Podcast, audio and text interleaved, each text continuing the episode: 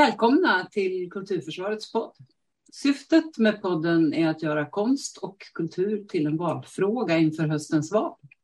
Jag som leder samtalet heter Ulla Bergstedin, är frilansande skådespelerska, kulturdebattör och grundare av Kulturförsvaret.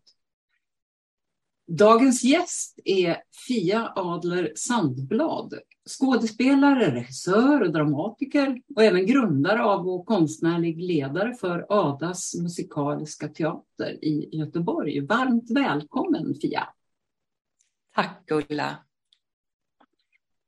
Vem är Fia Adler Sandblad och vad arbetar du som mest med för närvarande? Ja, alltså jag driver Adas teater. Det är en slags passion. Vi tog bort det där med musikaliska för att eh, det var många som trodde att vi gjorde musikteater. Ja. Så nu kallar vi oss bara för Adas teater, men eh, jag tror att man skulle känna igen oss på båda namnen. Mm. Så jag driver det här som en slags passion, som en slags... Eh, ja, jag kan inte göra någonting annat än att driva Adas teater. En slags livsuppgift. Att sålla fram historier, berättelser ur kvinnors liv och kroppar och att gestalta dem så ärligt och uppriktigt som jag bara kan och att kunna få möta en publik då med de här ofta djupt mänskliga erfarenheterna som inte är så väldigt gestaltade och uttalade i det offentliga rummet. Så ja, teatern är ju på ett sätt en paradox. Det handlar ju om förställning och spela roller men jag skulle vilja säga att jag gör ungefär tvärtom. Jag var så intresserad av det som finns bortom de där rollerna och bortom de där intrigerna. Någonstans där, vi liksom, där det bränner till och som, där vi kan känna igen oss i varann också. Mm. Oavsett hur omständigheterna runt omkring ser ut. Mm. Du, du ska få den här obligatoriska frågan som alla får. Varför anser du att det är viktigt att föra in konst och kultur i debatten inför valet? Alltså jag tänker att konst och kultur, det är, alltså i själva verket så är det grunden för att vi ska kunna ta tillvara våra möjligheter som människor. Och det är liksom en slags gåva som vi får från de som kom före oss, från de som vi lever med här nu, men också in i framtiden för att vi ska kunna använda oss själva så som de fantastiska varelser vi någonstans är. Jag vet att konst och kultur ofta anses vara någon slags utsmyckning eller någonting man tar till när man vill ha lite kul eller sådär. Men för mig har konst och kultur, och jag tror för väldigt många egentligen, det har en helt annan betydelse.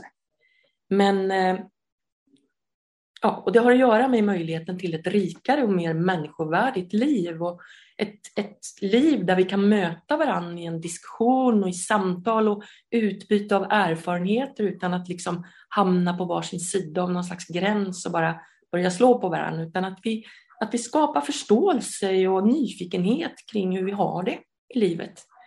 Det tror jag är så himla viktigt. Men eh, det talas, tycker jag, lite för lite om konsten och kulturen på det sättet. Mm. Och, och jag tror att det har att göra med att vi har ändå en, alltså kultursynen är rätt snäv. Mm. Eh, åtminstone där jag växte upp kan jag säga att i min familj så var det väldigt mycket så att säga jante, Axel Sandemos, att du ska hålla dig på din plats och att sticka ut och att liksom göra något annat. Det var liksom lite fånigt och lite löjligt. Eh, men, men jag tror verkligen, många har ju försökt fånga det här behovet av att vara så att säga, konstnär för att kunna komma nära de här livsviktiga berättelserna och upplevelserna av liv som man försöker gestalta på olika sätt. För att skapa kraft och nyfikenhet och mod hos oss alla. Och också kanske för att störa, så att säga, att lyfta in perspektiv som har varit tystade, att driva liksom samtalet framåt och att skapa en bättre värld en värld där vi kan prata med varandra och där vi kan stötta varandra och skapa utrymme för att vi alla, trots våra olikheter, ska kunna leva på ett bra sätt tillsammans. Mm. Så, ja. Eh, jag tänker på det här med vem du är. För att mm. du har ju också sagt att du kände dig främmande som barn och att du kom i kontakt med musiken när du var fem år och där fann du din plats. Kan du berätta lite om hur det gick till och vad det gav dig? Ja, alltså jag är uppvuxen som eh, först fosterbarn och sen blev adopterad in i en familj. Jag föddes, när jag föddes så såg inte min mamma att hon hade möjligheter att ta hand om mig. Mm. För det fanns inte särskilt mycket som ställde upp för de här ensamma mammorna på den tiden. Mm. Så att, eh, därför så hamnade jag på barnhem, på spädbarnshem. Och så småningom blev jag fosterhemsplacerad och placerad in i en familj som när jag var drygt två år adopterade mig. Så att jag har liksom en slags legal då, plattform ändå. Mm. Jag är uppvuxen tillsammans med en fosterbror som kom från Tyskland. Han var fosterbarn hela tiden för hans eh, mamma ville inte släppa iväg honom för att bli adopterad. Hon ville fortsätta vara hans mamma. Men hon hade väldigt små möjligheter att ta hand om honom för att hon hade det väldigt problematiskt i Tyskland. Så att jag är uppvuxen i en så här rätt så, ska jag säga, trasig familj. Och på ett sätt väldigt präktig familj, för det var en typisk medelklassfamilj. Eh, välsituerad ändå. Det fanns en skolgång, det fanns ett hem, det fanns mat på bordet och det fanns en säng. Och liksom stabilt på, så att säga, på utkanten. Men inuti var det väldigt tomt och väldigt eh, sårigt. Och det talades väldigt sällan om det här och när det gjorde det så, så var det mer för att försöka förhindra att man skulle eh, liksom lägga märke till att jag och min bror kom någon annanstans ifrån. Och det, det, har varit, det var ett stort problem för mig som barn. Och eh, det har också fått mig att förstå att hur viktigt det är med att faktiskt hitta rum där man kan lyfta komplexa, svåra frågor och dela dem med varandra i förtroende. Eh, för att skapa ett, en större möjlighet att man ska kunna så att säga som människa känna sig igenkänd och sedd. Så att man har någonting att ta spjärn ifrån när man går ut i livet. Det var, var det så att dina fosterföräldrar då saknade egna barn så att säga? Det här var mm. deras... Så var det. Mm. så att säga. Då var det också så att eh, ja, det här är lite svårt. Båda är borta. Så alla mina fyra föräldrar har, har gått bort så att eh, de lever ju inte längre på det sättet. Men jag tänker att alla människor, människan är en komplex och komplicerad varelse och det finns många bevekelsegrunder. Men, men som barn var det ett svårt hem att växa upp i, både för mig och för min fosterbror. Mm. För att vi förväntades göra och säga saker som vi inte riktigt hade möjlighet att göra alla gånger. Vi var liksom inte ja, vi, vi hade kanske inte de eh, begåvningarna som efterfrågades i, i det hemmet. Och för min egen del så var jag väldigt, jag var väldigt rädd. Jag var rädd att bli övergiven och jag var rädd att inte vara till lax och sådär. Så, så jag blev en extremt duktig människa. Jag blev, jag blev en duktig flicka och eh, det, det gjorde saker med mig som inte bara var bra. Så att eh, det här när musiken kom in av en tillfällighet, en underbar tillfällighet, så kom musiken in i min värld som femåring redan. Det var en granne ja. till oss som var väldigt musikalisk och som ville att hennes barn skulle spela musik. Ja. Och hon jobbade som läkare, den här mamman, eh, och hade inte möjlighet att gå med sina barn till den här pianomagistern. Så att, eh, då frågade hon min mamma om inte jag också kunde börja spela, för då kunde min mamma gå, för hon var hemmafru. Ja. Så på det sättet fick jag kontakt med musiken och det var en otroligt eh, helt avgörande skulle jag säga, upplevelse för mig. Ja. Plötsligt så fick jag ett rum att vara i där jag kunde uppleva att jag var någon annan än de där förminskande rollerna som jag var tvungen att spela i livet. Liksom. Den här duktiga flickan som hela tiden skulle ha bra betyg och som skulle vara snäll, som skulle komma i tid och som skulle... Det var extremt... Eh, det var väldigt hårt. Det var inte så att det var liksom avslappnad atmosfär i, i det här hemmet utan det var tufft. Liksom. Så det var väldigt svårt att leva som barn och då var musiken det var som en öppning in i en helt annan värld där man fick lov att upptäcka saker och där saker och ting fick vara på allvar och där man kunde liksom få vara i känslomässig kontakt med innehållet mm. i musiken och med varandra och så. Så det var, det var där tror jag la, det hjälpte mig otroligt mycket i mitt fortsatta liv att jag fick den upplevelse. Du hade en bra pianolärare också? Han var, han, han var grym. Alltså, Han var helt otrolig. Det var Fabro Winters. Det var han som var den här pianoläraren när jag var fem år. Tyvärr så, så dog han alldeles för tidigt. Han dog när jag var sju. Mm. Så att det gick så fort. Men ändå, jag fick de där åren. Ah. Och, och eh, ja, han var fantastisk. Han hade ett allvar. Han var egentligen, eller egentligen, han var den han var, men han hade jobbat som operadirigent i Riga. Men flytt under kommunismen då, under eh, sådär. Så han och hans fru som var operasångerska hade tagit sig till Sverige och han stod och packade bomull på Mölkfabriker innan han förstod att vänta nu, jag kanske ändå kan använda min musik på något sätt. Så då bildade de ett musikinstitut. Ah. Ett Winters musikinstitut. Ah. Och där fick jag gå. Då. Fantastiskt. Det, ja, det var helt fantastiskt. Fick du uppskattning för det också då hemma, att du spelade piano? Nej, alltså inte. Det var min... Eh, alltså jag tror att det var lite kluvet för att någonstans så tyckte ju... Min pappa Erik tyckte mycket om det. Han kunde smyga in på morgonen och lägga sig i soffan och bara lyssna när jag satt och övade. Liksom. Eh, för jag gick ofta upp på morgnarna och satt och bara spelade. Eh, och då kunde han tassa in och då hade vi en väldigt fin stund sådär. Men min mamma Ann-Marie blev mer nervös. Hon tyckte att det var liksom, hon var inte särskilt tjust i konst överhuvudtaget och inte i musik. Så att, eh, ja nej, det var, det var, det var mycket irritation och så kring det här och mycket spänning och så. Det tror jag också satte sig lite i mig, att det liksom blev, det var, handlade om att jag skulle liksom klara av att spela ett stycke på ett bra sätt. Och det, det blev liksom helt fel fokus. Det var ju något helt annat än vad jag så att säga hade gjort från början. Där man, musiken blev ett sätt att vara, en väg till att uppleva saker, till att kunna uttrycka sig. Liksom. Så blev det en fråga om prestation väldigt snabbt. Och det där, det var dåligt såklart. Ja, det är klart. Mm. Du, du var inne på din pappa Erik. Du, du hade två viktiga vuxna som betydde mycket i din barndom. Mm. Ja, det var, jag måste nog ändå lägga till tre då med pappa ja. Erik. För ja. att han var ändå en, en sån som jag tror att som gjorde att jag överlevde. Liksom. Ja. Han var väldigt tyst och drog sig undan så fort det var konflikter. Men han fanns ändå på något sätt. Mm.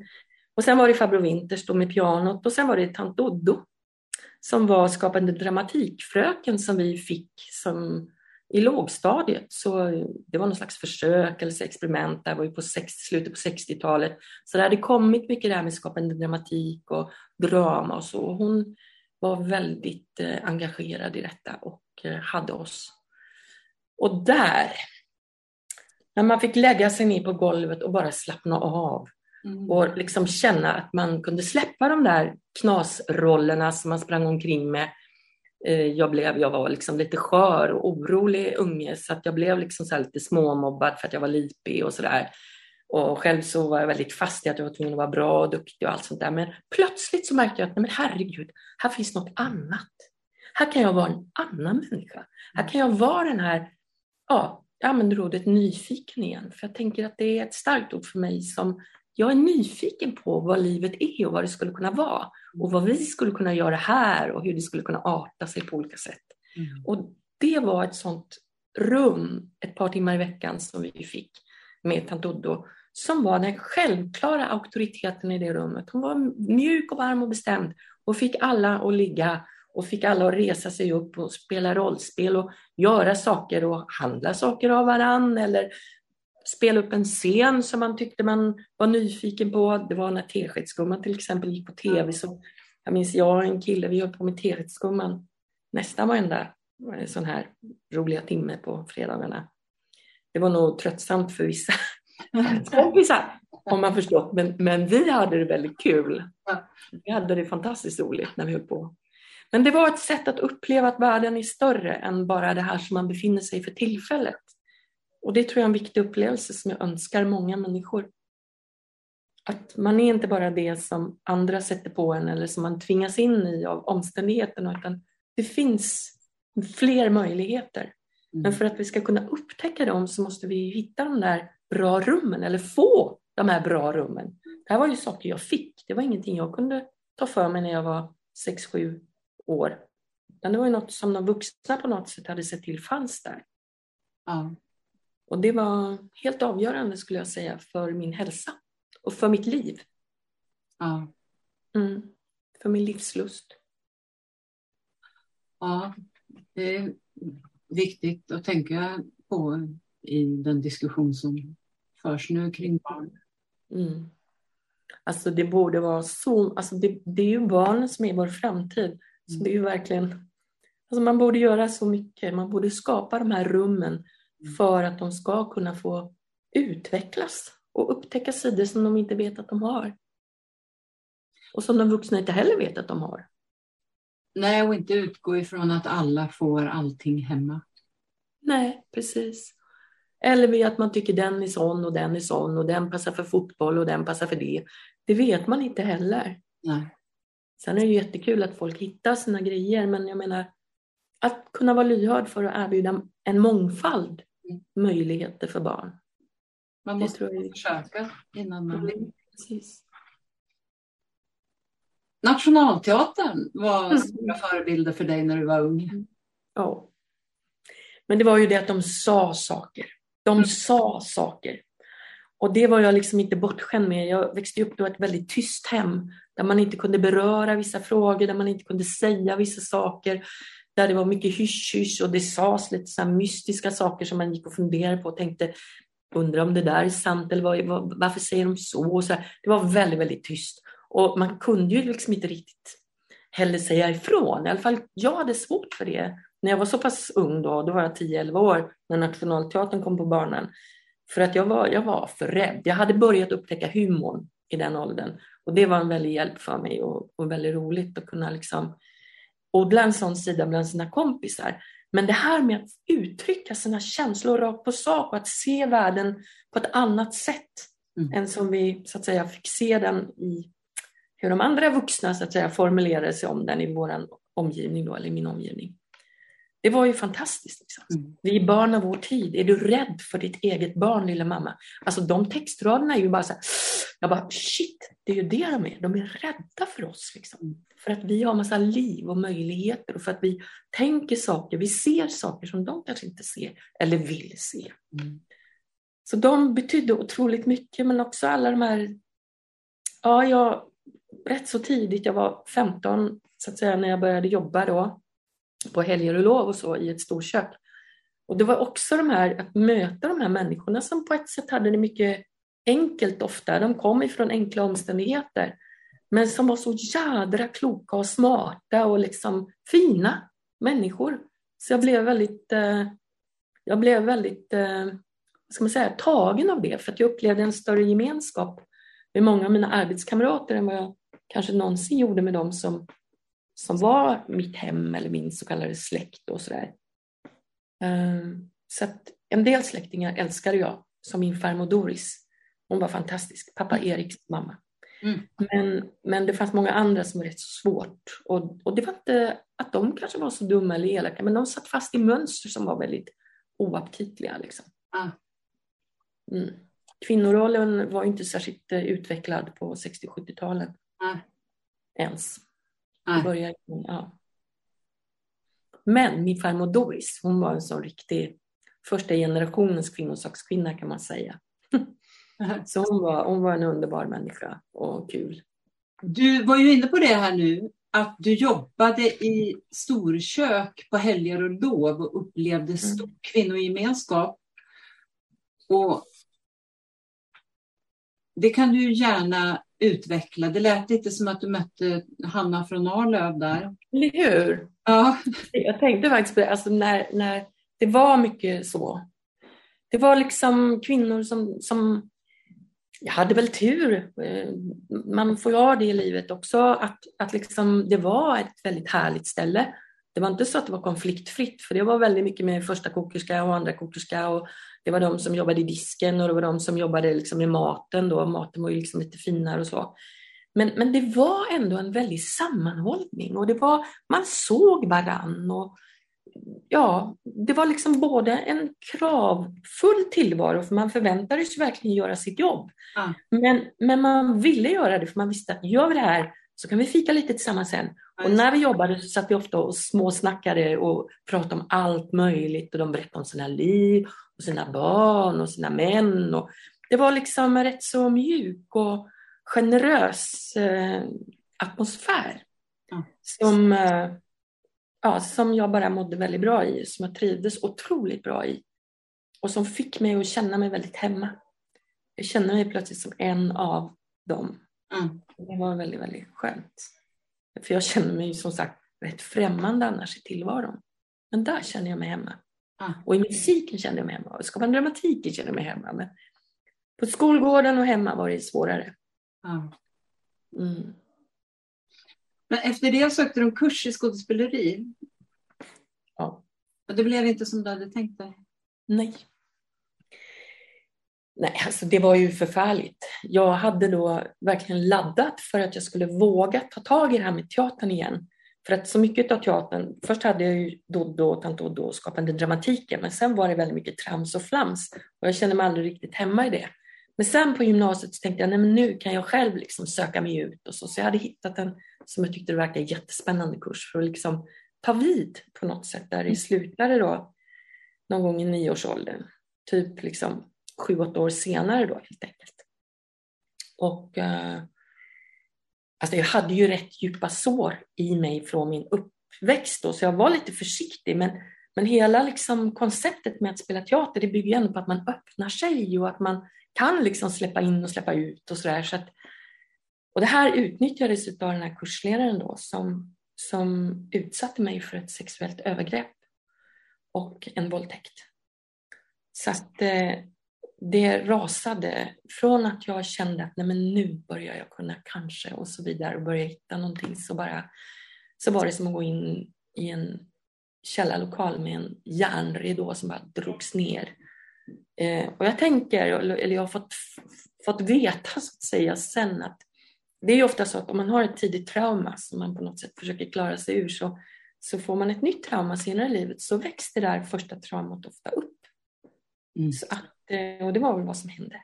Att jag, jag blev totalt paralyserad. Jag var skräckslagen och helt borta. Liksom. Jag hade tappat alla mina verktyg som jag ändå tyckte att jag hade hittat på något sätt under mitt liv. Jag var ju bara tonåren när det här hände men, men liksom, ja. Så det var, ja det var förskräckligt faktiskt. Men han hade någon slags radar då för att se att du var sårbar? Tyvärr så tror jag att det är så att vi som bär på det här och kanske bara han också på det, vi känner igen varandra. Mm. Men ofta så kan det bli så att de som själva har varit utsatta blir också förövarna och jag vet inte riktigt hans historia men, men det var inte okej okay, det som hände. Liksom. Så det var lite förskräckligt. Och väldigt, väldigt sorgligt. Jag gick liksom sönder inifrån. Mm. Jag har liksom, ja. Så jag rasade på något sätt. Det var fruktansvärt. Men när du inte hade då nära, alltså när du inte hade din familj då, hur, hur, hur fick du hjälp? Jag hade flyttat hemifrån redan. Jag flyttade hemifrån när jag började på gymnasiet då, när jag var 16. Så att jag hade bott för mig själv. Så jag, liksom, jag sög ju på mina kompisar. De fick ju, stackars människor, de fick liksom verkligen, de var ju väldigt lojala många och ville verkligen försöka. Men det var, det var fruktansvärt svårt.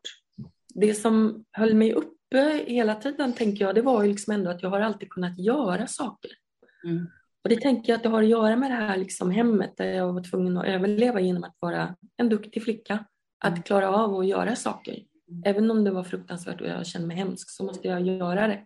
Mm. Så, att, eh, och jag tänker att, eh, så att jag klarade ju liksom inom citationstecken då, klarade skolan uh, bra. Jag fick höga betyg uh, och det var ju liksom viktigt i den miljön jag kom ifrån. Mm. Men det var också viktigt för mig själv att känna att jag kommer att klara mig men lika viktigt var det ju där att jag kände att jag kunde jobba, att jag kunde ta in mina pengar. Det var ju på den tiden man, det räckte med en eller två dagars arbete så hade man ju betalt sin månadshyra. Mm. Så det var ju liksom, det gick ju att göra samtidigt som jag gick i gymnasiet då. Så, ja. Nej men alltså hur klarade det gick ju inte så himla bra kan jag ju säga. Jag blev skickad i gymnasiet så skickade de mig till en skolterapeut. Så jag fick terapi. Eh, men, men jag har ju och har alltid haft en rätt stark insikt om min belägenhet liksom, och vad det är som är svårigheten. Och med den typen av så att säga, stöd, de kunde inte säga mycket mer än att jag var klok och duktig och att det var bra att jag kunde inse saker och ting såklart. Men det var Men, ingen som sa att du skulle anmäla? Nej, ingen sa att jag skulle anmäla. Ingen sa att jag skulle anmäla. Ingen sa liksom att nej men du kanske behöver liksom lite stödsamtal. Alltså stödsamtal fick jag ju på ett sätt, men just det här med jag var ju liksom ensam i världen på något sätt. Ja. Som var, det var rätt katastrofalt jobbigt. Och uh, ja, men jag tror också att det traumat ledde nog till att jag började söka mina biologiska rötter. Så att i den vevan när jag gick i gymnasiet så började jag söka upp vilka var det som var mina biologiska föräldrar. Och det här har man rätt att göra som barn men inte som vuxen. Som vuxen får man egentligen inte söka reda på sina bortlämnade barn. Aha. Men eh, som barn har du rätt att få göra det. Men det var väldigt stort och det var väldigt svårt. Och det förstod jag inte då, för då längtade jag bara efter förstående föräldrar. Men eh, det fick man ju inte, utan det man fick det var ju andra vuxna i kris. Liksom. Ja, självklart. Det, ja, så att både min biologiska pappa och min biologiska mamma upplevde ju, de, det var nästan så att jag fick stötta dem. För att det var för svårt för dem att liksom hantera det som hade hänt då, som, de, som var traumatiskt för dem. Eh, du sökte alltså upp dina bio, biologiska föräldrar och eh, hur reagerade de?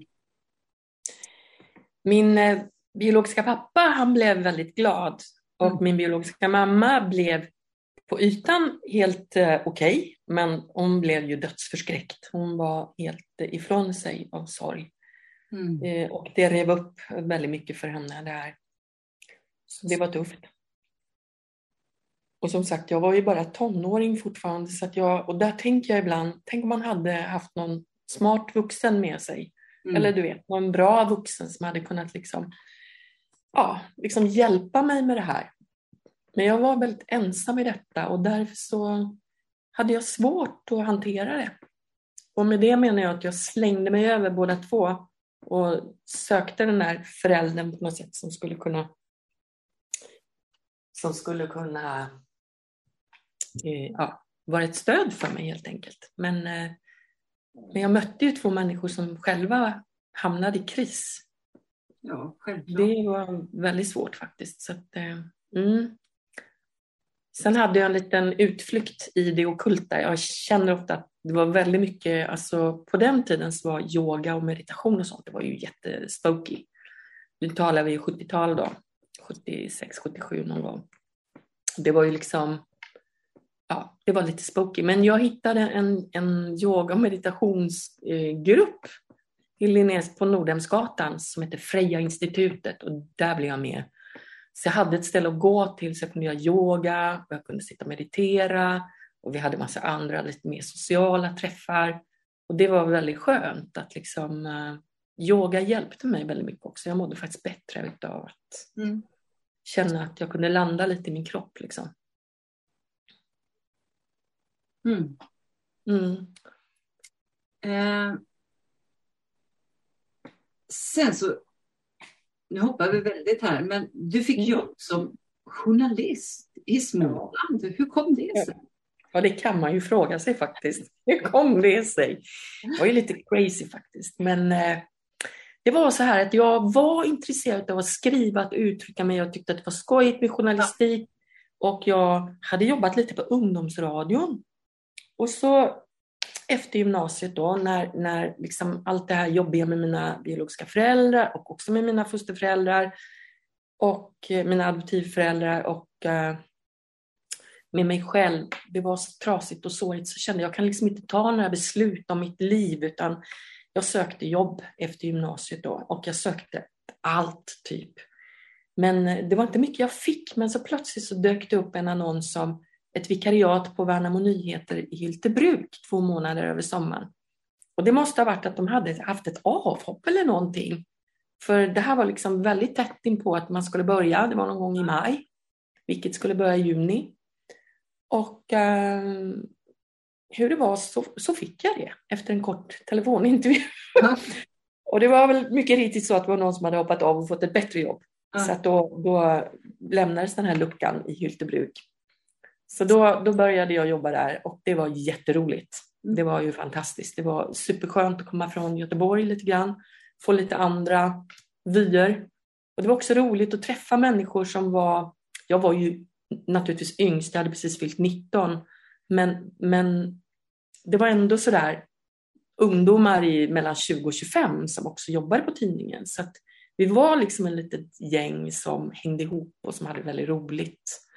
Och som eh, också tyckte att journalistiken kan frälsa världen och sådär. Vi, vi, var väldigt, vi skrev otroligt mycket. Så att, sen fick jag bara stanna kvar där, så jag hade fast tjänst ett tag innan jag längtade hem och insåg att jag har lite hemma som jag behöver ta itu med. Så mm. så sa jag upp mig och åkte hem igen efter ett och ett halvt år. Men det var en fantastisk tid och det var en slags vilopaus. Jag fick lite lugn och ro och fick hitta lust och mening liksom, bland människor som var, var hyfsat snälla helt enkelt. Men också skrivträning måste det ha varit? Ja, verkligen. Och också att se samhället, att liksom få lov att se hur ett samhälle fungerar. Det var ju bara lilla Hyltebruk, men vi ingick i Värnamo Nyheter, så det fanns också Värnamo att referera till och gissla vid de här lite större orterna. Men att få se och förstå hur ett samhälle fungerar, både med ideella verksamheter och andra aktörer som affärsmän och kommunpolitiker, regionpolitiker och så. Man, man fick se mycket. Och, som sagt, det var en otrolig skrivträning och jag utvecklade min passion för att prata med människor och att lyssna på människor där. Jag gjorde massa med profiler som det hette. Ja, ja, ja. Intervjuade människor som var spännande och så skrev de det och de bara publicerade allt så det var bara att skriva på liksom. Ah. Det var fantastiskt. Mm. Vi möttes ju första gången när jag kom till Folkteatern från Teaterhögskolan hösten 1980. Mm. Då hade ju du redan varit med i drygt ett år i ett stort amatörprojekt som gjordes på teatern. En varvström om varvens uppgång och fall med text av bland andra Staffan Göte i regi av Lennart Hjulström. Som, och det hade vi premiär på våren 1981 där du ju bland annat sjöng fantastiskt så sången har du också ägnat dig åt. Kan du berätta lite om vad det betydde för dig? Oj, alltså det betyder ju otroligt att få vara i ett sånt eh, teaterskapande med, alltså med verkliga människors historia eh, och samtidigt så lyhört och känsligt iscensatt med all den fantasi som konsten på något sätt kan tillåta. Den har ju verkligen en krok i verkligheten men där man kan öppna för möjligheter och andra sidor av saker och ting som inte alltid är så tydliga. Så, och där var ju Lennart Hjulström, han var ju, alltså, oj, eh, en sån fin person att bara vara nära. Mm. Han hade ju någonting väldigt lugnt över sig, liksom, mm. mitt i denna malström av starka viljor och känslor. Och, ja, mycket. Han var, jag var ju ung som sagt, så jag hade ju inte så nära kontakt med honom, men jag hängde i hans skugga och jag, jag hängde också kvar många år, under många år sen. Men det var ju liksom också att träffa fantastiska personer och fatta att man kan göra konst av människors berättelser och liv. Mm. Eh, och att som det gjordes av alltså Agneta Pleijel, Staffan Göte, det var ju, plus alla de här fantastiska personerna som var då så att säga amatörer men som bar liksom sitt liv som en liten skimrande juvel en del. En del lite mer ah, skavigt och sårigt men många med stor eh, passion och patos. Liksom. Mm. Det, var, det var väldigt, väldigt, väldigt eh, privilegierat sammanhang att få vara i. Och jag tror faktiskt att det har inspirerat mig mycket, mycket mer än vad jag har förstått mm. hela den perioden. Mm. Sen var det lite kluvet också för att jag, jag var ju liksom jag var ju inte världens bästa person under de åren för att jag mådde så himla dåligt helt enkelt. Jag var skör och jag var fortfarande rädd efter vad som hade hänt på, på den där andra teatern och vad kan hända här? Och jag var väldigt upptagen av de här frågorna med mina föräldrar och av vem jag var och alltihopa. Så att jag befann mig ju i en slags kris. Mm. Jag upplevde väldigt mycket stöd och kärlek från många av de som där, det var väl inte så många kanske som visste exakt hur det var med mig, men men jag upplevde mycket värme och eh, också mycket svårigheter. Jag tyckte det var tufft ibland. Alltså, det var mm. ju också mycket intriger och skarpa ordalag och sånt. Och, och jag tänker att sånt där är ju bra man får öva sig på när man är yngre kanske, hur man ska ta sånt där. Jag, mm. var inte, jag hade inte övat särskilt mycket i mitt hem kan jag säga, utan, utan det har jag liksom tillägnat mig mer efteråt. Så att det var också en besvärlig tid. Det var svårt, men det var framförallt eh, otroligt meningsfullt. Otroligt meningsfullt. Ett sådant samarbete mellan världen och en teater. Mm. Ja, jag är helt enig med dig. Det, mm. det var det för mig också. Sen var det ju kul att se dig och Bettan var ju också rätt så ny då, Elisabeth Göransson och du och, och till och med Sven-Åke Gustafsson var väl rätt så ny. Och, och ja, vi började samtidigt. Ja, och det var, det var liksom, ni var ju också en slags länk, för ni var samtidigt lite nya samtidigt som ni var ju utbildade och kunniga och sådär. Så det var, det var väldigt spännande. Ja, det var, det var, det var en fantastisk eh, upplevelse faktiskt. Mm. Göra den föreställningen. Ja, verkligen. Ja, verkligen. Men du, efter att du hade arbetat på lokalradion i Göteborg en tid så har du sagt att du upplevde att du tappade dina ord. Berätta vad som hände och vad du upptäckte när du tog dig ur din utbrändhet och återupptog din teaterbana igen. Ja, alltså det var ju så att jag efter den här tiden på Värnamo Nyheter så fick jag jobb på lokalradion i Göteborg och i Borås, Göteborg Sjuhärad som det heter då. Mm. Att jag hamnade ju i ett sammanhang där språk, ord, ordens språk blev väldigt betydelsefullt. Mm. Och samtidigt som jag själv då fortfarande befann mig i kris och liksom försökte lappa ihop mig på olika sätt eh, så, så höll jag på med de här orden, jag försökte förstå livet och jag försökte ändå vara en bra journalist med vad det innebär och att hålla sig inom vissa ramar och strukturerad och alltihopa eh, målfokuserad på det sättet att, att kunna liksom ställa frågor och driva en fråga framåt och sådana saker. Men, men plötsligt så var det precis som att orden bara blev som papperstussar som inte hade någonting att göra med mig och min kropp. Det var som att plötsligt så tappade de sin mening.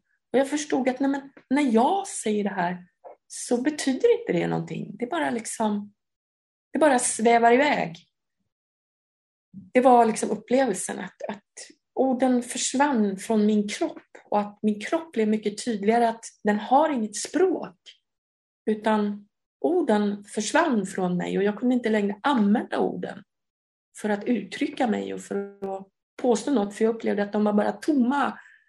Nu efteråt så kan jag förstå att jag hade tappat kontakten med mitt språk, men då var det bara spooky och läskigt och hemskt. Och samtidigt så hade jag väl då hittat en bra terapeut. Så att jag kände ändå att jag hade någon, en, så att säga, en slags terapeut vid min sida som gjorde att jag kunde att jag hade så att säga, ett ställe att arbeta på med mina bekymmer och mina svårigheter. Att det fanns en plats där jag kunde ägna mig åt det på ett sätt som ändå ledde framåt. Mm. Då förstod jag också att språket kan vara ett hinder för att förstå saker som ligger bortanför det som man själv har bestämt sig att orden innehåller. Nu blir det här jättekonstigt kanske. Men, eh, men det, det är så jag kan förklara att, att jag förstod att nej men, det finns någonting som vill uttrycka sig i mig bortom orden. Mm. Så det var väl då som jag började, började söka mig till det, den här fysiska teatern. Mm. Alltså jag började inse att nej men jag, och, och, det var också en rolig tillfällighet att jag träffade människor som hade gått på Le Coq i Paris. Och jag träffade människor, då hade Teaterkompaniet precis börjat jobba i Göteborg. Det var Viveka Warenfalk och Sören Larsson jag blev helt fascinerad av deras arbete och gick på deras workshops och tyckte bara wow. Jag kände mig plötsligt kanske lite grann som då när jag var på golvet hos tant Dodo när jag var sju. Men på något sätt det här att komma tillbaka hem till ett hem som var jag, om du förstår. Men ändå där jag fick plats i ett sammanhang. Det var 2000 som du började samarbeta med regissören Sören Larsson. Jag träffade honom 83 första gången. Aha. Ja, så det här var tidigt 80-tal eh, och då hade jag ändå sökt lite grann, men mött honom och bara smält av. Så efter det mötet så åkte jag till Le Coq och gick på Le Coq i Paris som är en skola för MIV Mouvement et Théâtre som det heter, alltså mim, rörelse och teater. Det är rörelsebaserad scenkonst. Så där gick jag innan Sören då hade startat en skola här så då fick jag komma hem igen 86 kom jag tillbaka till Göteborg och då gick jag hos honom i två år. Ah, ja, du gick först och sen började vi samarbeta. Ja, precis. Så vi har en rätt lång historia innan samarbetet. Just. Ja. Men, eh, och det, det hela byggde liksom på, på något sätt att jag kände att det var liksom den fysiska, det vill säga kroppens väg, att försöka artikulera det som jag bär i min kropp, som jag inte riktigt har ord för, eller hade ord för. Mm. För orden kom ju så småningom. Och det var lite roligt faktiskt. Jag var på ett sånt där väldigt, så här kan man tycka, efterhand exklusivt sommarläger tillsammans med en teaterlegend som heter Grotowski, Jerzy Grotowski. Mm. Vi var ett gäng unga skådespelare som fick åka ner till ett slott som låg på gränsen mellan Belgien och Frankrike några sommarveckor 1987. Och där var vi där nere och arbetade med honom och plötsligt kom min röst tillbaka. Alltså jag kände, jag började liksom prata från helt andra ställen i min kropp. Och från den punkten så kände jag att, att liksom, nu hade jag mitt språk tillbaka. Då började jag liksom känna att jag kan lita på mitt, mitt språk igen, mitt talade språk, mina ord. Mm. Så att sen dess har jag ju så att säga utvecklat det. Att försöka hitta ett bra sätt att få orden att samspela med de fysiska uttrycken och med musiken och så. För att det ska bli meningsfull konst. Men redan 1993 då så startade du ADAS. Mm. Som då ADAS Musikaliska Teater. Ja, precis. Eh, och med tanke på hur svårt det är att få anslag för fria professionella grupper, hur såg planen ut? Det fanns ingen plan, Ulla. Planen var bara att få göra, få göra det här. Jag var helt tagen av Alltså jag älskar den här fysiska teatern som jag hade mött med Vivica Waren, Falk och Sören Larsson och Paul Kock. Det var fantastiskt och jag tyckte det var helt grymt och underbart. Men också att jag kände att jag saknade de här berättelserna som kom från kvinnors kroppar och historier som jag själv var så full utav och som jag såg omkring mig, som jag hade mött på det här storköket som jag jobbade i. Men som, liksom aldrig, som jag inte riktigt såg. Undantaget Nationalteaterns Hanna från Arlöv då. Men liksom att det fanns så mycket där. Så därför startade jag och en kollega, en kompis då, Adas teater och började jobba med berättelser som kommer ur kvinnors kroppar och att gestalta dem mer baserat på poesi och musik och musikalitet och rytm, också med text och ord, men lika mycket med så att, säga, att fysiskt förankra och gestalta de här erfarenheterna då. Så det, det var, det, vi brann för det och det gör jag ju fortfarande. Så att det här med försörjningen, och det kan ju möjligtvis spela in att jag känner att jag alltid kunnat försörja mig. Jag har kunnat jobba på, i storkök, jag har jobbat i kassa på snabbköp, jag har suttit och jag har jobbat i skärk, jag har jobbat i, liksom, ja, i olika typer av såna här ja, affärer. Mm. Och jag har jobbat eh, sen senare också jobbat mycket som pedagog. Mm. Och så. Och så att jag känner någonstans att nej, men försörja mig, det, det ska nog ordna sig, tänker jag. Men det är klart, nu så börjar man också känna att det har verkligen ett pris. Ja. Men eh, jag ångrar inte ett steg. Men däremot så, det har ett pris och det, det, jag kommer att få jobba på så länge jag bara kan för att försörja mig. För jag har inte så jättehög SGI och pensionsgrundande inkomst och så, utan det har ju varit av och till och driva en teater det innebär ju också att man ofta får stå tillbaka själv för att andra ska kunna få lön. Mm. Så att man arbetar hela tiden med sin egen lön som risk kan man säga. Är det något som skiter sig så är det min lön som ryker. Det är inte mina medarbetares i första hand. Så du, fick, att, eh, du fick ett spännande uppdrag från Göteborgs stift som gav försörjning. Hur kom det sig? Ja, hur kom det sig? Jo, men det var väl så här att eh, jag hade fött barn eh, och fått en underbar son. Och vi hade bestämt oss, jag och min man, att vi skulle leva där ute där jag delvis är uppvuxen då. Min pappa Eriks barndomshem kan man säga.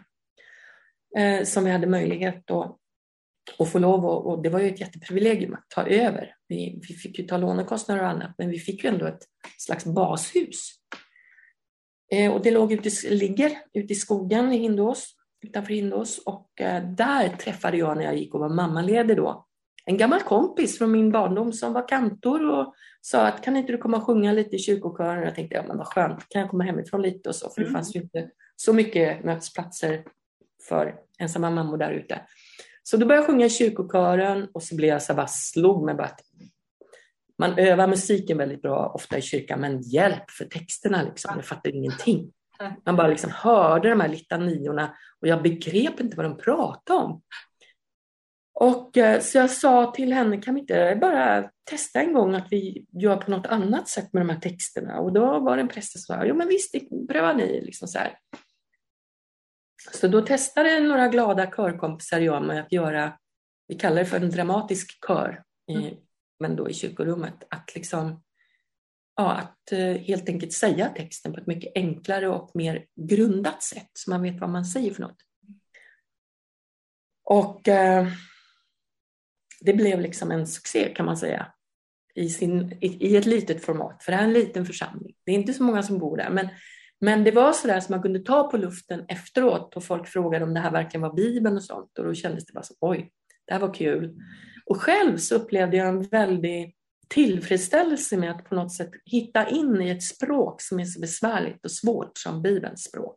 Mm. Och där man lätt kan läsa in moraliska eh, liksom, slutsatser i brödtexten. Men om man gräver lite bakom så ser man att det finns en väldigt komplex bakgrund och verklighet bakom de här texterna som gör dem mycket mer intressanta. Mm. De gör faktiskt Jesus mycket mer revolutionär. De gör människor människors lidande mer tydligt och människors dilemman också mer tydliga.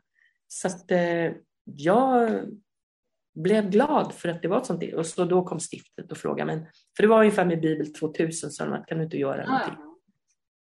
Så då började jag dels eh, göra, jag gjorde två jätteiscensättningar av bibeltexter där jag, mm.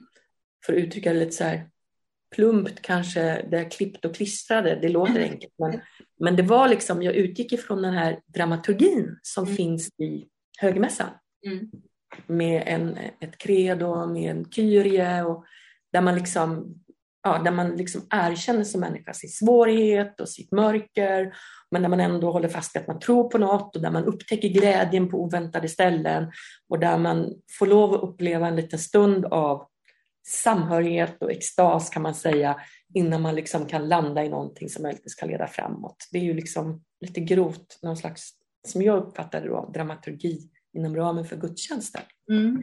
Så, så då gjorde jag två jätteiscensättningar som blev väldigt uppskattade och uh, fyllde kyrkan till bredden uh, under, under flera, alltså det var 10-15 gånger och det var väldigt mm. så här, det var ingen som trodde, men det var väldigt roligt att det gick. Och sen gjorde jag också lite sådana workshops då för människor som arbetar med texter inom ramen för kyrkan. Mm. Att liksom hitta in till språkets kärna. Mm. Eh, det, och det handlar mycket... att det bara blir, att det bara blir ord. Eller hur? Att ja. det bara blir ord. Och det är liksom hela min, man kan säga hela min vuxna konstnärliga gärning handlar om att det inte bara ska bli ord utan att det också ska bli kött och erfarenhet, levd erfarenhet Nej. som sitter fram mellan de här orden. Du fick Västra Götalandsregionens stora arbetsstipendium 2009 med en väldigt fin motivering. Att vara ett av de viktigaste inslagen i Göteborgs fria kulturliv. Har du sett några effekter av det i anslagsgivningen? Jag tror alltid att det, det finns effekter i anslagsgivningen. Eh, ja, det kan jag nog säga direkt att jag har. Det finns ju vissa sådana här så säga, utmärkelser som man får som ändå på något sätt lyfter fram en och sätter en på en, mm. en position mm. Eh, som, som ju på något sätt ska borga för en slags kvalitet och mm. för en slags stabilitet. Mm. Så att eh, det är jag enormt tacksam för, alla mina stipendier som jag har fått. Jag har fått många roliga stipendier och många hedrande stipendier. Mm. Och de, de hjälper ju till, mm. så är det. Mm. Eh, det gläder mig och det för mig också till nästa fråga för att eh, det är ju flera av dina kollegor i konstnärskollektivet Konstepidemin som också har fått ett antal stipendier. Och eh, din verksamhet finns ju där. Det är ju en förening som har varit aktuell i press och media den senaste tiden. Tyvärr på grund av att fastighetskontoret velat chockhöja era hyror till det dubbla. Vad, vad, vad händer med det och hur påverkar det era möjligheter att uh, fortsätta era verksamheter? Mm. Ja, det är ju fullkomligt förskräckligt och det här är ju, konstepidemin är ju en av många tänker jag, verksamheter som hotas av en politik mm. där man inte skapar utrymme för, för den typ av möjlig livsluft och ett slags energicentrum som liksom, att konst ska finnas i stan där människor bor och att vi ska ha vettiga förutsättningar för att kunna, kunna liksom, eh, bedrivas mm. i möte med publik och för olika utvecklingar och för utbyten med andra kulturer och andra människor och sådana saker. Det är ju fullkomligt eh, det är förskräckligt och hårresande att jag tror att kunnandet är så lågt. Det är möjligt också att det naturligtvis finns någonstans någon slags oginhet och så, men min erfarenhet är ändå att folk, alla politiker som man pratar med, de säger bara att Nej, men vi stöder konstepidemin, vi tycker det är jätteviktigt. Mm. Och att, att det finns en stor längtan efter att uh, det ska få finnas kvar. Och jag tror att många förstår uh, vikten av att det finns levande konstskapande på ett sätt som gör att både barn och vuxna och gamla kan ta till sig och komma upp här på området och bara trösklarna är ju väldigt låga här. Ja. Och närheten till konstskapandet är ju stor. Så här kan man knacka på och säga, kan jag komma in och hälsa på i din ateljé? Inte alla dagar, men vissa dagar när vi öppnar, bara säg kom och se hur vi har det. Liksom. Mm. Så att människor ska kunna lära, liksom, kunna få en slags upplevelse av vad det är att vara konstnär och göra vissa saker. För att de själva ska kunna berika sina liv, tänker man då. Och också vad konsten och kulturen har för betydelse. Men, men det måste liksom finnas för att stan ska bli levande, för att livet ska liksom få någon annan kulör än bara de här flugorna och de här just nu för tiden kända kedjorna som säljer grejer och med både kommersiellt och mindre kommersiellt kanske, men restauranger och sånt. Men, men det har ändå en slags prisbild hela tiden, men vi har ju inte det. Vi arbetar ju och det tror jag många inte vet, att vi arbetar så mycket ideellt för att det här ska kunna finnas. Och att det här med att vi har subventionerade hyror, det är liksom, om man jämför med, så att säga, sätter emot hur mycket ideellt arbete vi lägger i verksamheten så är det ingenting. Då skulle vi ha, då skulle vi ha det här gratis. För Vad jag förstår så lägger ni ner motsvarande ideellt arbete som hyrorna skulle höjas med. Ja, lite mer skulle man till och med kunna säga, men, men eh, ja. det finns de som har räknat på det. Och, eh, och det gör ju det i så fall, alltså det är inte alla konstnärskap som lönar sig från dag ett.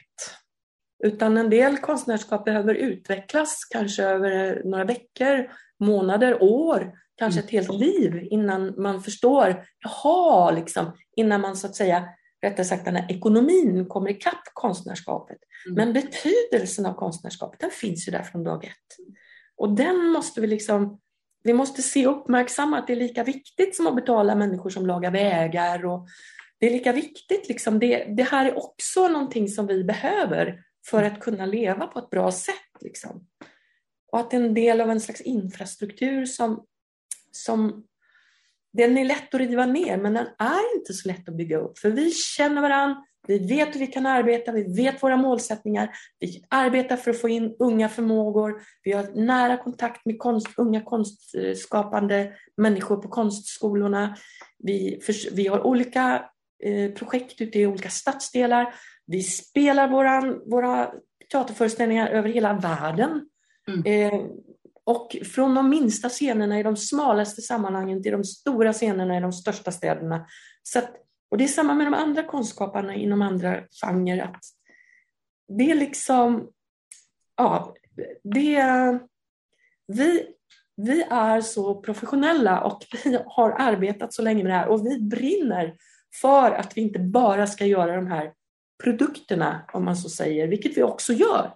Vi mm. levererar ju hela tiden saker och ting. Men för att fånga in det här mervärdet och för att försöka skapa platser som ska vara någonting annat i, till exempel då här i stan i Göteborg, som ska vara något annat än ett kommersialismens liksom mecka och där man liksom utvinner där man maximerar hela tiden så att säga vinsten på, på en mark och sådana saker. Utan här ska få finnas den här brokiga skulpturparken mitt i Göteborg. Liksom. Här ska få finnas de här små källarteaterscenerna. Här ska få finnas lokaler där människor kan mötas med världsmusik eller med tvärs över konstgränserna. Det ska få finnas lokaler där människor från förorterna kan komma in och jobba tillsammans med oss som jobbar som konstnärer här i workshops och annat. Precis. Oj, vilken monolog. ja, jag brinner ja, Jag tänkte också på det du sa för att eh, det är faktiskt så att det finns stora människor som betraktas som stora konstnärer från långt tillbaka i tiden idag som dog utfattiga mm. och inte erkända. Mm, absolut. Så är det. Och det, det, är inte, man kan inte mäta konst och konstnärligt värde i pengar. Man kan se om någonting fungerar. Det tänker jag kan vara en sån där bra. Alltså det måste ju fungera. Människor, det måste ju kommunicera någonting. Det måste, men sen exakt hur det ska se ut och så, det vet man inte. Precis som du säger. Så vi har inte liksom svaren på vad är det som kommer att bestå. Och när det gäller våra fria verksamheter så tänker jag ofta att med ålderns rätt att mycket av det som var väldigt nytt och förskräckligt på 80-talet när jag började, det är ju sånt som är mainstream idag på, på institutionsteatrarna. Mm. Så att det finns en jordmån här som, som liksom är viktig för hela konstvärlden. Det är inte... tänker jag också att kraven på er är ju nu att ni ska betala marknadsmässiga hyror och då tänker jag okej, okay, men kanske då man från politiskt håll skulle arbeta för att ni också får marknadsmässiga ersättningar för det arbete ni gör. Det är väl kanske grunden för att kunna mm. betala mm. marknadsmässiga hyror också. Mm.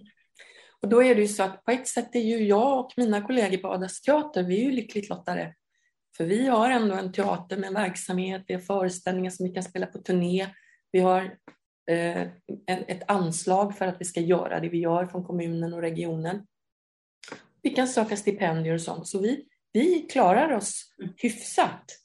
Det, kommer, alltså det, det går inte att expandera en verksamhet om man inte kan så att säga, ackumulera saker och ting och få pengar att göra satsningar för och så som kan förmera och förbättra. Men, men jag tänker mycket på de här konstnärerna som, inte minst bild och formkonstnärerna som, som inte har de möjligheterna att, så att säga, sälja sina verk på samma sätt som vi har. Eh, det är ju... Det är fortfarande så tycker jag att det är märkligt att vi ska ha en grupp eh, människor i samhället som har, där samhället erbjuder de individuellt sett dyraste utbildningarna som sen förväntas söka stipendier för att få arbeta. Det, mm. det, det, är en mycket märklig ordning tycker jag. Ja. Och ändå så har man ju förstått att man är rätt lyckligt lottad i Sverige där det finns Konstnärsnämnden som mm. stödjer enskilda konstnärer så att man i alla fall har möjlighet att arbeta under perioder. Mm. Många eh, har ju också, inte minst mina bildkonstnärsvänner, har ju liksom extra knäck som att de vakar på nätter eller att de liksom gör andra saker för att få liksom vardagsekonomin att gå ihop. Mm. Att eh, det är inte, de har ju inga utrymmen för en dubblad hyra om man säger så. Då blir det ingen tid kvar att jobba med sitt konstnärskap. Nej. Och tiden vi skulle kunna arbeta, eller vi kan arbeta ideellt, den kommer ju minska så det kommer ju inte bli samma sak. Nej. Det är det jag tror att man inte riktigt förstår. Man förstår inte att Ja, det är klart vi kan betala marknadsmässiga hyror, men då, då kan vi inte göra allt det här andra som vi idag gör och som ändå alla säger är så viktigt. Ja. Och att man vill stödja. Men det måste ju till politiska beslut liksom, för att det ska bli något. Precis. Mm. Du, du har ju en master i fördjupat skådespeleri och en master i dramatik vid Göteborgs universitet. Mm. Och då gick du in i det här masterarbetet med en inriktning. Och sen fick ni en uppgift som ändrade allt. jo, men Alltså jag gick in för att jag har ju någonstans då, eh, och där kan jag faktiskt känna mig lite lik Anna Pettersson. Jag vet inte vad Anna Pettersson skulle säga om detta, men jag, när jag tittar så kan jag tänka att ja, men där finns en likhet. Jag gick in med ett projekt där jag ville försöka hitta, där jag ville arbeta med så att säga, allt det som inte sägs inom ramen för ett antikt drama. Eh, därför att min känsla är att skådespelaren har så mycket mer än vad som oftast vi får se som åskådare när vi går på teatern. Mm. Vi får se ett litet, en liten bit av eh, en skådespelares kunnande men det finns så mycket mer som man skulle kunna använda och som jag känner mig väldigt lockad av och som hela den här fysiska teaterbakgrunden har gett mig så mycket erfarenhet och kunskap kring. Så jag gick in med det projektet att jag skulle så att säga arbeta med skådespelaren som upphovsman om du vill, eller skådespelaren som den som är kreatören på teatern. Mm. Inte en regissör som säger du ska gå dit och göra så. Kan det också finnas ett visst skede, men till att börja med så skulle man använda skådespelarens kunskap. Liksom. Improvisationer, man skulle hitta de här andra sätten att uttrycka sig på som har att göra med rörelse, rytm, sätt att vara, sin röst etc. som tillhör den här fysiska teatern men som inte är så vanligt eller var så vanligt på den institutionella teatern. Så så gick jag in, men sen fick vi uppgiften då att vi skulle skriva en essä om våra drivkrafter. Mm. Och där så kom jag i kontakt med mitt barnhemsbarn då. Mm. Och eh, det var ungefär samtidigt som det fanns en stor sån här vanvårdsutredning. Det var 2007. Mm. Som den kom, jag blev intervjuad då, eh, 2007. Jag tror att den kom något tidigare, men där man ville ha berättelserna från alla oss som var placerade i den sociala barnavården mm. från 30-talet fram till 70 någonting tror jag. Så då var jag med i den och när jag förstod hur otroligt många vi var som hade den här bakgrunden och hur otroligt nertystat det här är, både offentligt men också i de privata liven, så kände jag att jag måste försöka göra någonting. Jag måste försöka sätta ord på den här typen av berättelser. Jag måste försöka bryta den här tystnaden och skapa liksom ett slags rum där vi kan vara i med de här mänskliga erfarenheterna som vi då besatt, vi barnhemsbarn. Liksom. Så där och då bestämde jag mig för att eh, jag kommer inte kunna dö utan att ha försökt sätta ord på det här. Så då ägnade jag mina två masterår, man gjorde ju massa saker, men bland annat så ägnade jag dem åt, eller mest, hur jag skulle kunna iscensätta en historia som för det första är tyst. Det finns inga ord, jag hade själv knappt språk. För jag var matad med, ja men du förstår väl att det var si och du förstår väl att det var så. Och jag hade samlat på berättelser från mina biologiska föräldrar, mina adoptivföräldrar, ifrån dokument jag läste, kunde se vad det stod, att tjänstemänniskor hade skrivit om mig som barn då, och om mina föräldrar. Så att jag hade en massa ord, men ingenting som jag kunde känna igen mig.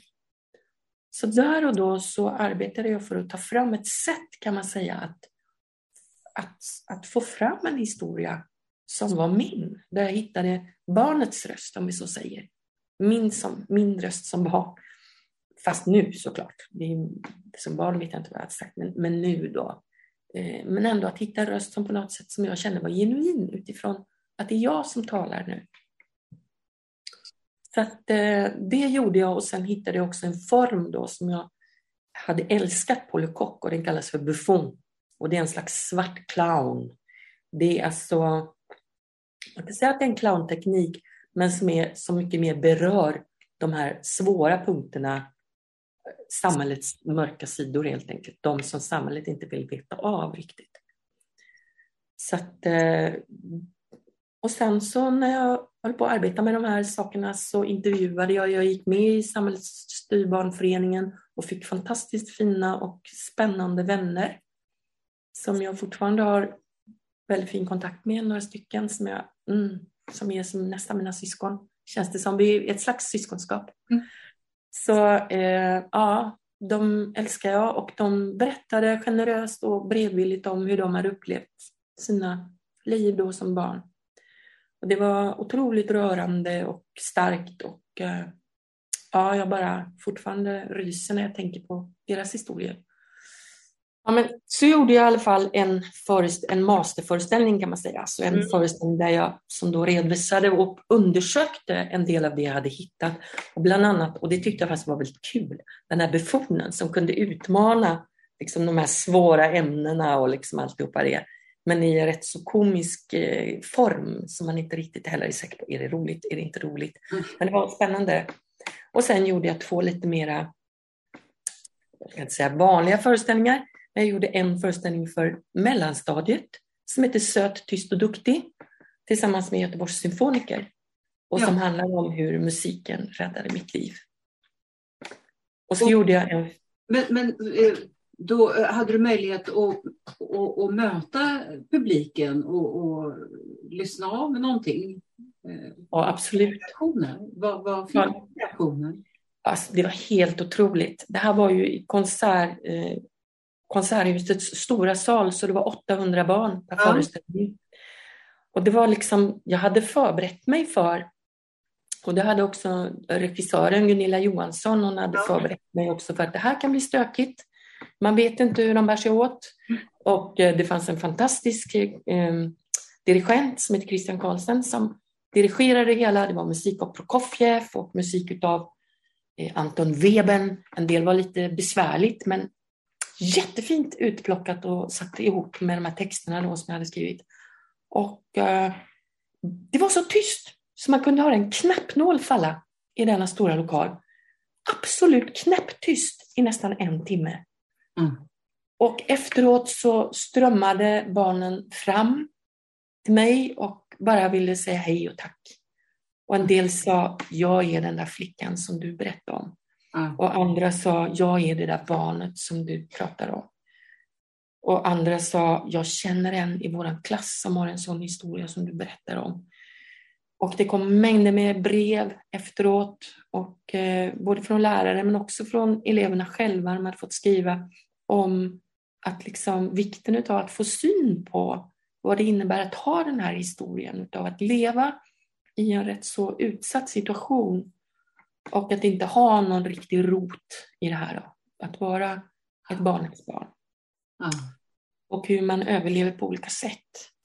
Men för mig så Söttyst och duktig slutade ju i att jag faktiskt fick möta musiken och att jag där hittade ett rum där jag kände att jag kunde vara, där jag kunde uttrycka mig och där det fanns ett hopp. Mm. Till skillnad från världen runt omkring som var rätt så bedrövlig. Vilket ju också var sant faktiskt. Mm. Så det var jättefint. Det var helt magiskt. Fantastiskt. Det är fortfarande så att jag är så lycklig för att jag fick göra den uppsättningen. Mm. Och du... Sen, ja, förlåt. Nej, och sen gjorde jag en för vuxna också som heter Jag är ett barnhemsbarn. Som var en tvåaktare som jag gjorde tillsammans med Gunilla Johansson och med Jonas Frankeblom. Musitör och Jonas är en gammal till mig medarbetare. Vi har jobbat ihop i många, många år, eh, snart 20 år. Och eh, han är fantastisk, både på att komponera men också på att vara på en scen. Så vi turnerade land och rike runt med Jag är ett barnhemsbarn under tre års tid. Och det var väldigt, väldigt fint. Och mötte både människor som jobbade med frågorna och människor som bara var en vanlig publik som inte visste någonting om det här och som wow, liksom ändå får till sig mm. liksom, ja, erfarenheter och tankar kring då oss som har den här historien, hur livet då kan se ut. Vilket eh, också fantastiska samtal efter föreställningen och mycket fina små meddelanden i form av mess eller mejl eller sånt som kom efteråt. Då. Och det, det, är en viktig sak när man gör teater som jag då gör på lite besvärliga historier och ämnen, att vi stannar alltid kvar efteråt. Mm. Och det är ju inte så att publiken måste stanna kvar, man får lov att gå. Men vill man stanna kvar så är man så välkommen att sitta ner. Och man kan bara sitta och pusta och andas, men många tar tillfället i akt också både uttrycker sina tankar och känslor men också om de har något eget minne att berätta då. Som kan vara lättare att tala om när man förstår att man inte är ensam om det. Så ja, det har varit och är fantastiska stunder helt enkelt. Jag känner mig extremt privilegierad som får lov att göra detta. Det är sån ynnest. Så tacksam också att det än så länge finns många som tycker att det är viktigt så att jag kan fortsätta. Ja, och, men det är, väl lite tillbaka till det här vi talade om i början som du sa att just både musiken och när du fick eh, ligga ner din dramalärare och sådär. det, det är ju samma effekt tror jag, att människor får se och ta del av någonting som publik gör ju att det någonting lossnar så att man sen har behov av att prata. Och därför mm. jag tycker jag ibland att det är ganska tråkigt det där att eh, när man då att man inte får den här möjligheten att, att prata efteråt. Mm. Mm. Finns ju många som tycker att ah, man ska inte prata sönder en upplevelse och så, men det är inte fråga om det, utan Nej. det är mer frågan om att få lov att vila och landa i ett mm. sammanhang där man har fått höra någonting som ja. har då berört en på djupet. Ja. Och om man vill. Precis. Ja. Om man vill så sitter man kvar, om man vill så säger man någonting eller så är man tyst. Eller så bara... Inga krav på någonting, Nej. men en möjlighet. Inga läxförhör. Nej, men precis. Vi brukar säga att det är fritt valt arbete. Man får gå. Ja, men precis. Mm. Men du, du har ju också fortsatt skriva den här typen av berättelser som bygger mm. på egna upplevelser, men ibland baseras de även på andras. Mm. Och Adas är ju då din verksamhet, förutom att du har en producent. Men hur arbetar du med idéer? När i processen blandar du in andra? Det är väldigt olika faktiskt. Man kan säga att vissa projekt uppstår tillsammans med kollegorna. Mm. Vi, vi, är ju bara två stycken som så att säga är heltidsanställda. Sen har vi mm. ytterligare tre som är deltidsanställda. Men sen har vi ett kluster med frilansande människor som vi har arbetat med mycket under åren. Där Jonas Frankeblom till exempel är en. Mm. Eh, och och då, då liksom, så att vi har ju ändå hela tiden personer omkring oss som man kan säga, kan vi prata lite och, och snacka om den här tanken och idén, vad tror du om det och sådär. Så att eh, ofta så skulle jag nog säga att eh, antingen föds idén tillsammans eller så, som till exempel nu, så gör vi en föreställning som handlar om en kvinna som levt eller lever i Belarus i Vitryssland. Jag samarbetar med hennes dotter hon har en teatergrupp i Brest som det heter på polska gränsen i Vitryssland som eh, heter Kryli Chalopa. Det betyder den bevingade slaven. Och eh, vi förenas av vår längtan efter att, att säga, skapa historier utifrån kvinnors erfarenheter och liv som inte riktigt finns.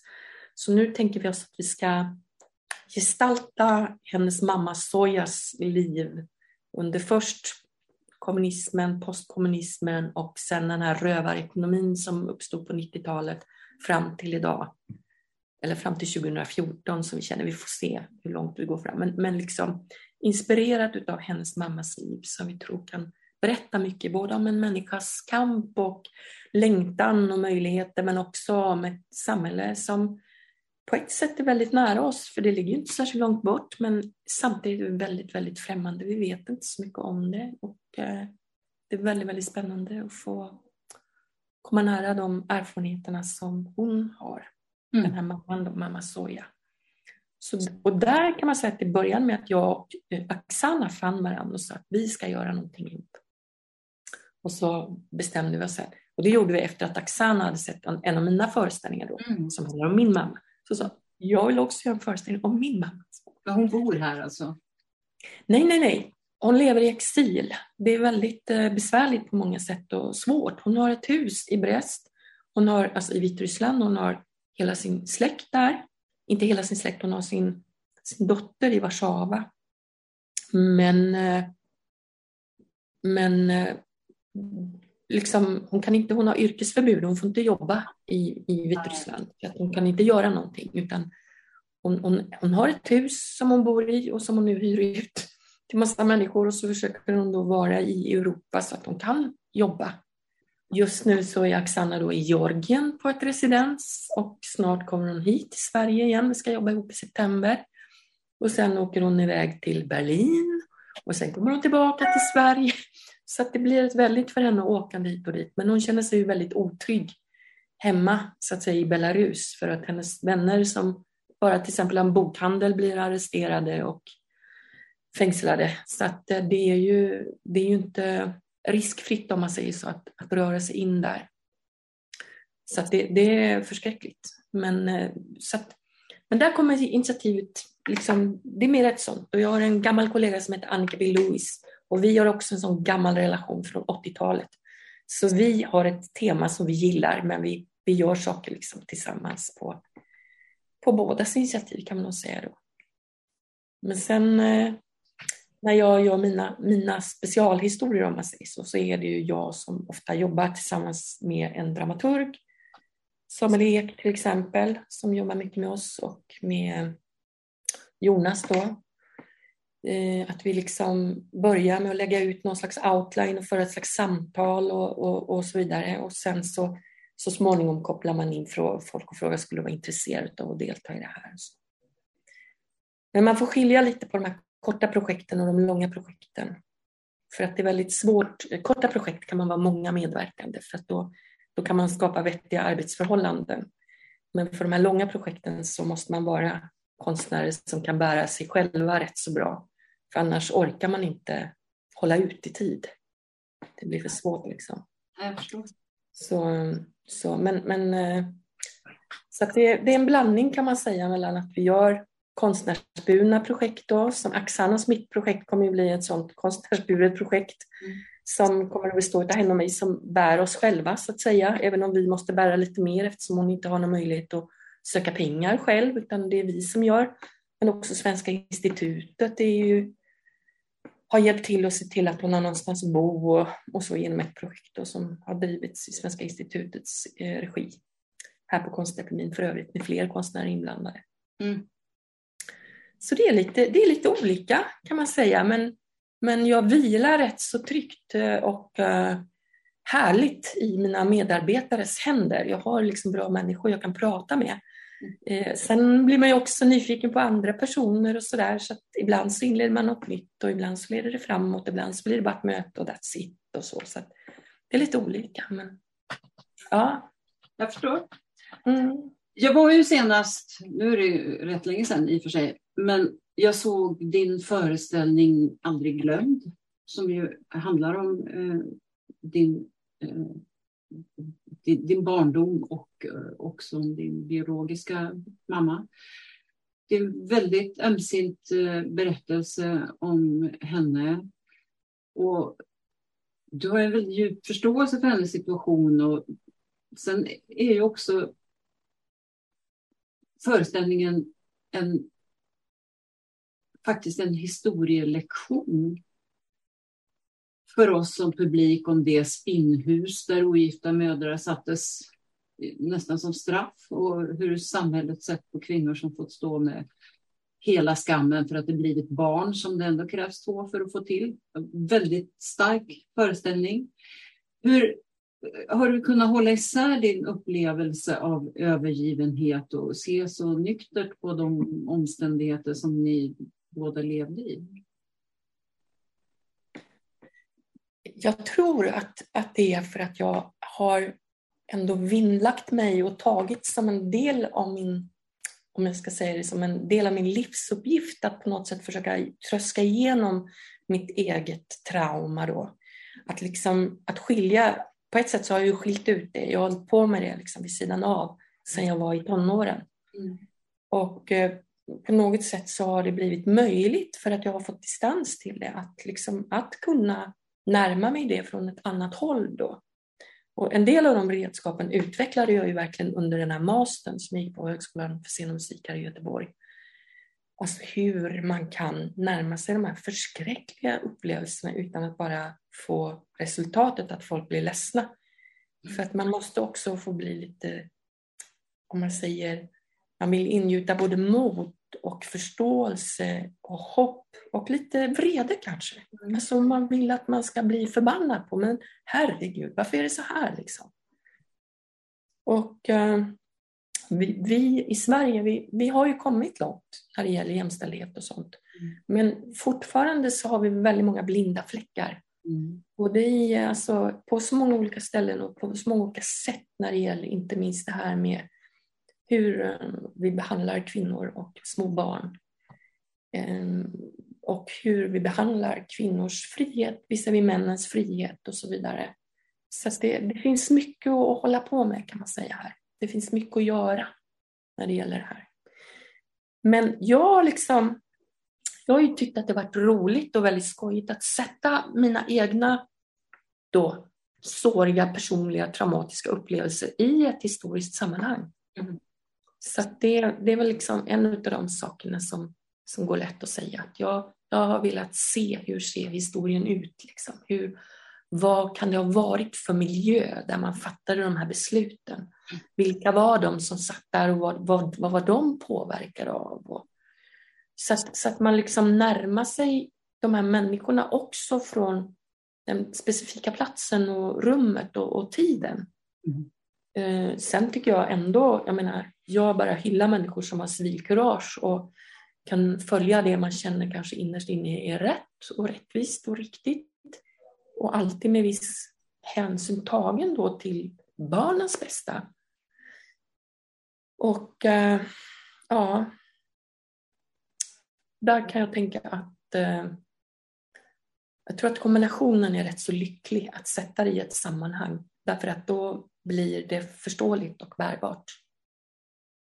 Och sen också att, att förstå att det är inte någons fel att saker och ting händer på ett visst sätt utan det beror på att vi befinner oss och har ärvt en massa bröte. Vi har ärvt bra saker också men jädra massa skit har vi ärvt från våra förfäder som vi måste hålla på med. Vi får liksom inte ge upp. Vi får inte tänka att nu är det här klart, nu är vi jämställda, punkt slut. Nej, det är inte så. För det sitter liksom så djupt och det sitter så också det här med att vi, vi, måste se att vi lever inte längre i ett isolerat eh, Sverige utan vi lever i en stor omvärld med människor som kommer från alla möjliga håll och kanter och där vi också rör oss ut över hela kontinenter och världen. Så det, det, är betydligt mer komplext och, och större och vi måste liksom alla ta ett ansvar för att de här människorna och frågorna ska bli synliga och omhändertagna på något sätt. Har du spelat eh, för eh, ungdomar? Ja, mycket faktiskt. Skälet till varför Adas har gjort relativt lite med barnteater, det, består, det är främst att, att jag har tyckt det varit för svårt att ha med arrangörsledet att göra. För de har ofta tyckt mina historier varit för sorgliga, för svåra och för tunga. Mm. Jag tänker att möjligen har tiden kommit ikapp oss nu, när man ändå börjar kunna förstå att nej, men barn mår inte dåligt, de mår bra av att man pratar om saker som är viktiga, även om de är hemska. Men barn är ju van. De värsta hemskheterna upplever de ju ofta i sin närmiljö. Ja. Så att jag menar, det är ju, det är ju bara liksom... Men jag tänker ändå uh, ungdomar, så att säga, en sån här historia Eh, inte minst med tanke på den här abortlagstiftningen i USA nu och diskussionen mm. som finns här och så. Alltså det, här, det kryper ju närmare att den här, den här typen av moral plötsligt ska återupprättas. Eh, Verkligen. Skrämmer mig.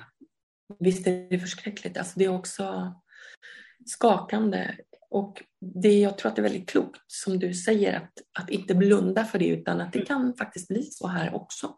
Mm. Så att eh, det gäller ju att vi stärker varandra och stärker oss.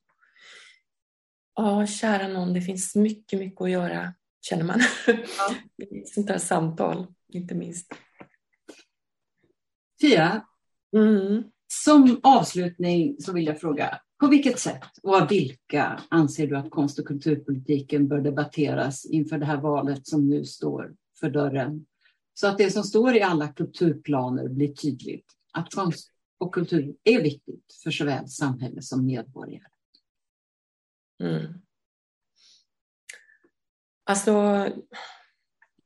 jag önskar naturligtvis att alla människor som har haft en kultur eller konstupplevelse som de tycker har varit värt något, att de ska höja sin röst och säga att det här är viktigt. Det önskar man ju. Sen är det såklart så att de som har makten har makten. Så att eh, man skulle önska att eh, konst och kulturpolitiken inte bara blev, alltså att den, att den liksom att den, blev, att den fick ett värde i sig. Mm. Inte, bara instrumentellt för att det kan vara bra för det ena och det andra, utan för att den faktiskt är viktig för våra liv och för vår demokrati och, och så. Så jag, jag, kanske inte har något bra svar på frågan för jag tycker ju naturligtvis att alla ska prata kulturpolitik eh, för att det är så pass viktigt.